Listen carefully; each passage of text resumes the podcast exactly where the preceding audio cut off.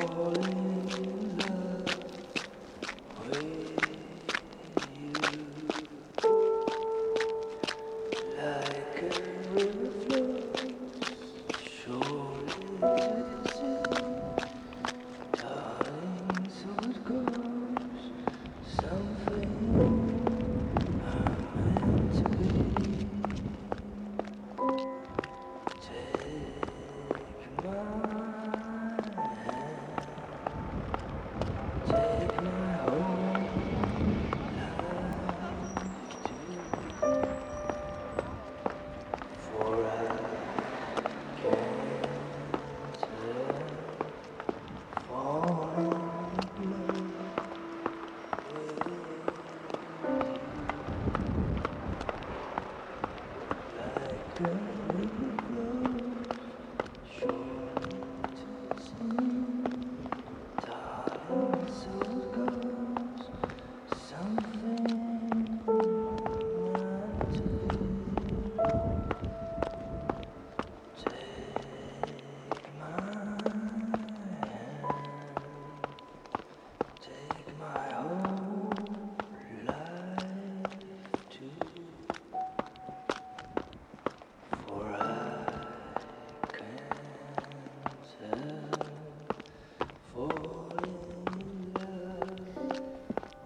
Stämningsfullt ändå.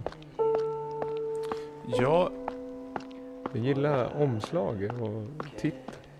det, eh, titeln är Lovers Anonymous, alltså anonyma älskare. Anonymous.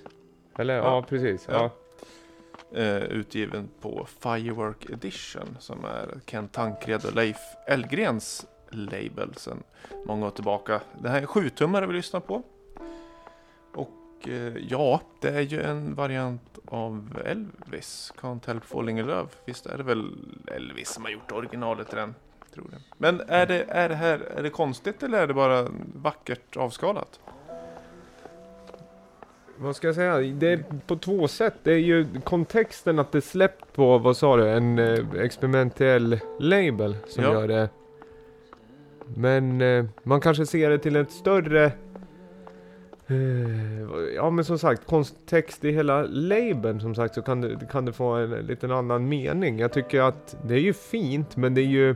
Den är inte lika direkt som UB40s cover på den här låten. Nej, det är sant, det är sant. Den har ju lite mer, eh, ja den har ju mer radiopotential. Men det är en fin, en bra låt, en bra låt.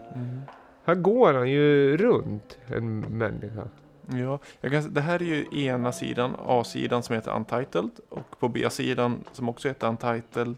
Jag har för mig att det är eh, samma låt fast utan sång och eh, eh, alltså eh, stegen. Så att det är mer pianostycket. Som också är supervackert. Men just den här kombinationen med sången som är eh, ganska liksom raspig, eh, eh känslofylld. Ja men jag får ju, alltså jag tycker att det känns som en filmscen ja, att eh, en person, just jag får, nu ser jag omslaget framför mig, får titta på omslaget Ja, det, är, försöka. det är ett slags eh, slott. det är ett slott i nattljus. Inte Eh, inverterad bild. kan man- Eller så UV.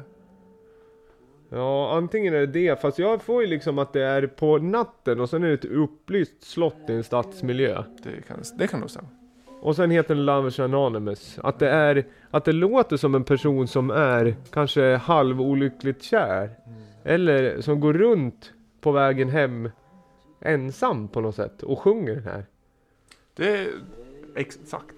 Och jag vet inte vilka som ligger bakom den här skivan, men det, För att han återkommer, han sjunger ju inte hela verserna va? Han Nej. sjunger ju refrängen alldeles för många gånger om man ska, med tanke på längden på låten. ja just Och det kan ju också att det är en tolkning av en individ av det här stycket. Och sen gången, det är därför jag får någon filmisk.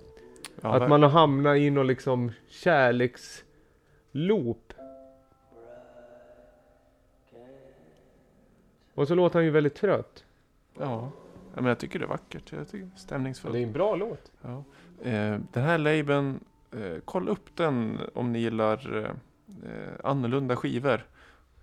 Väldigt mycket olika konceptuella, eh, härliga eh, sjutummar framförallt som finns i Lamours shop som man kan kolla in, shop.lamour.se. Sen har de gett ut CD och, och filmer och så vidare också. Det här var ju det min... Ursäkta, Ja. fortsätt. Nej, jag var klar där. Jag tänkte säga att eh, ni som har hört det här segmentet innan så kan jag säga att det här var det minst smala. Jag förstår att du flaggar upp i och med att det är en känd, eh, men tolkningen var ju smal. Min, eh, minst sagt skulle jag säga.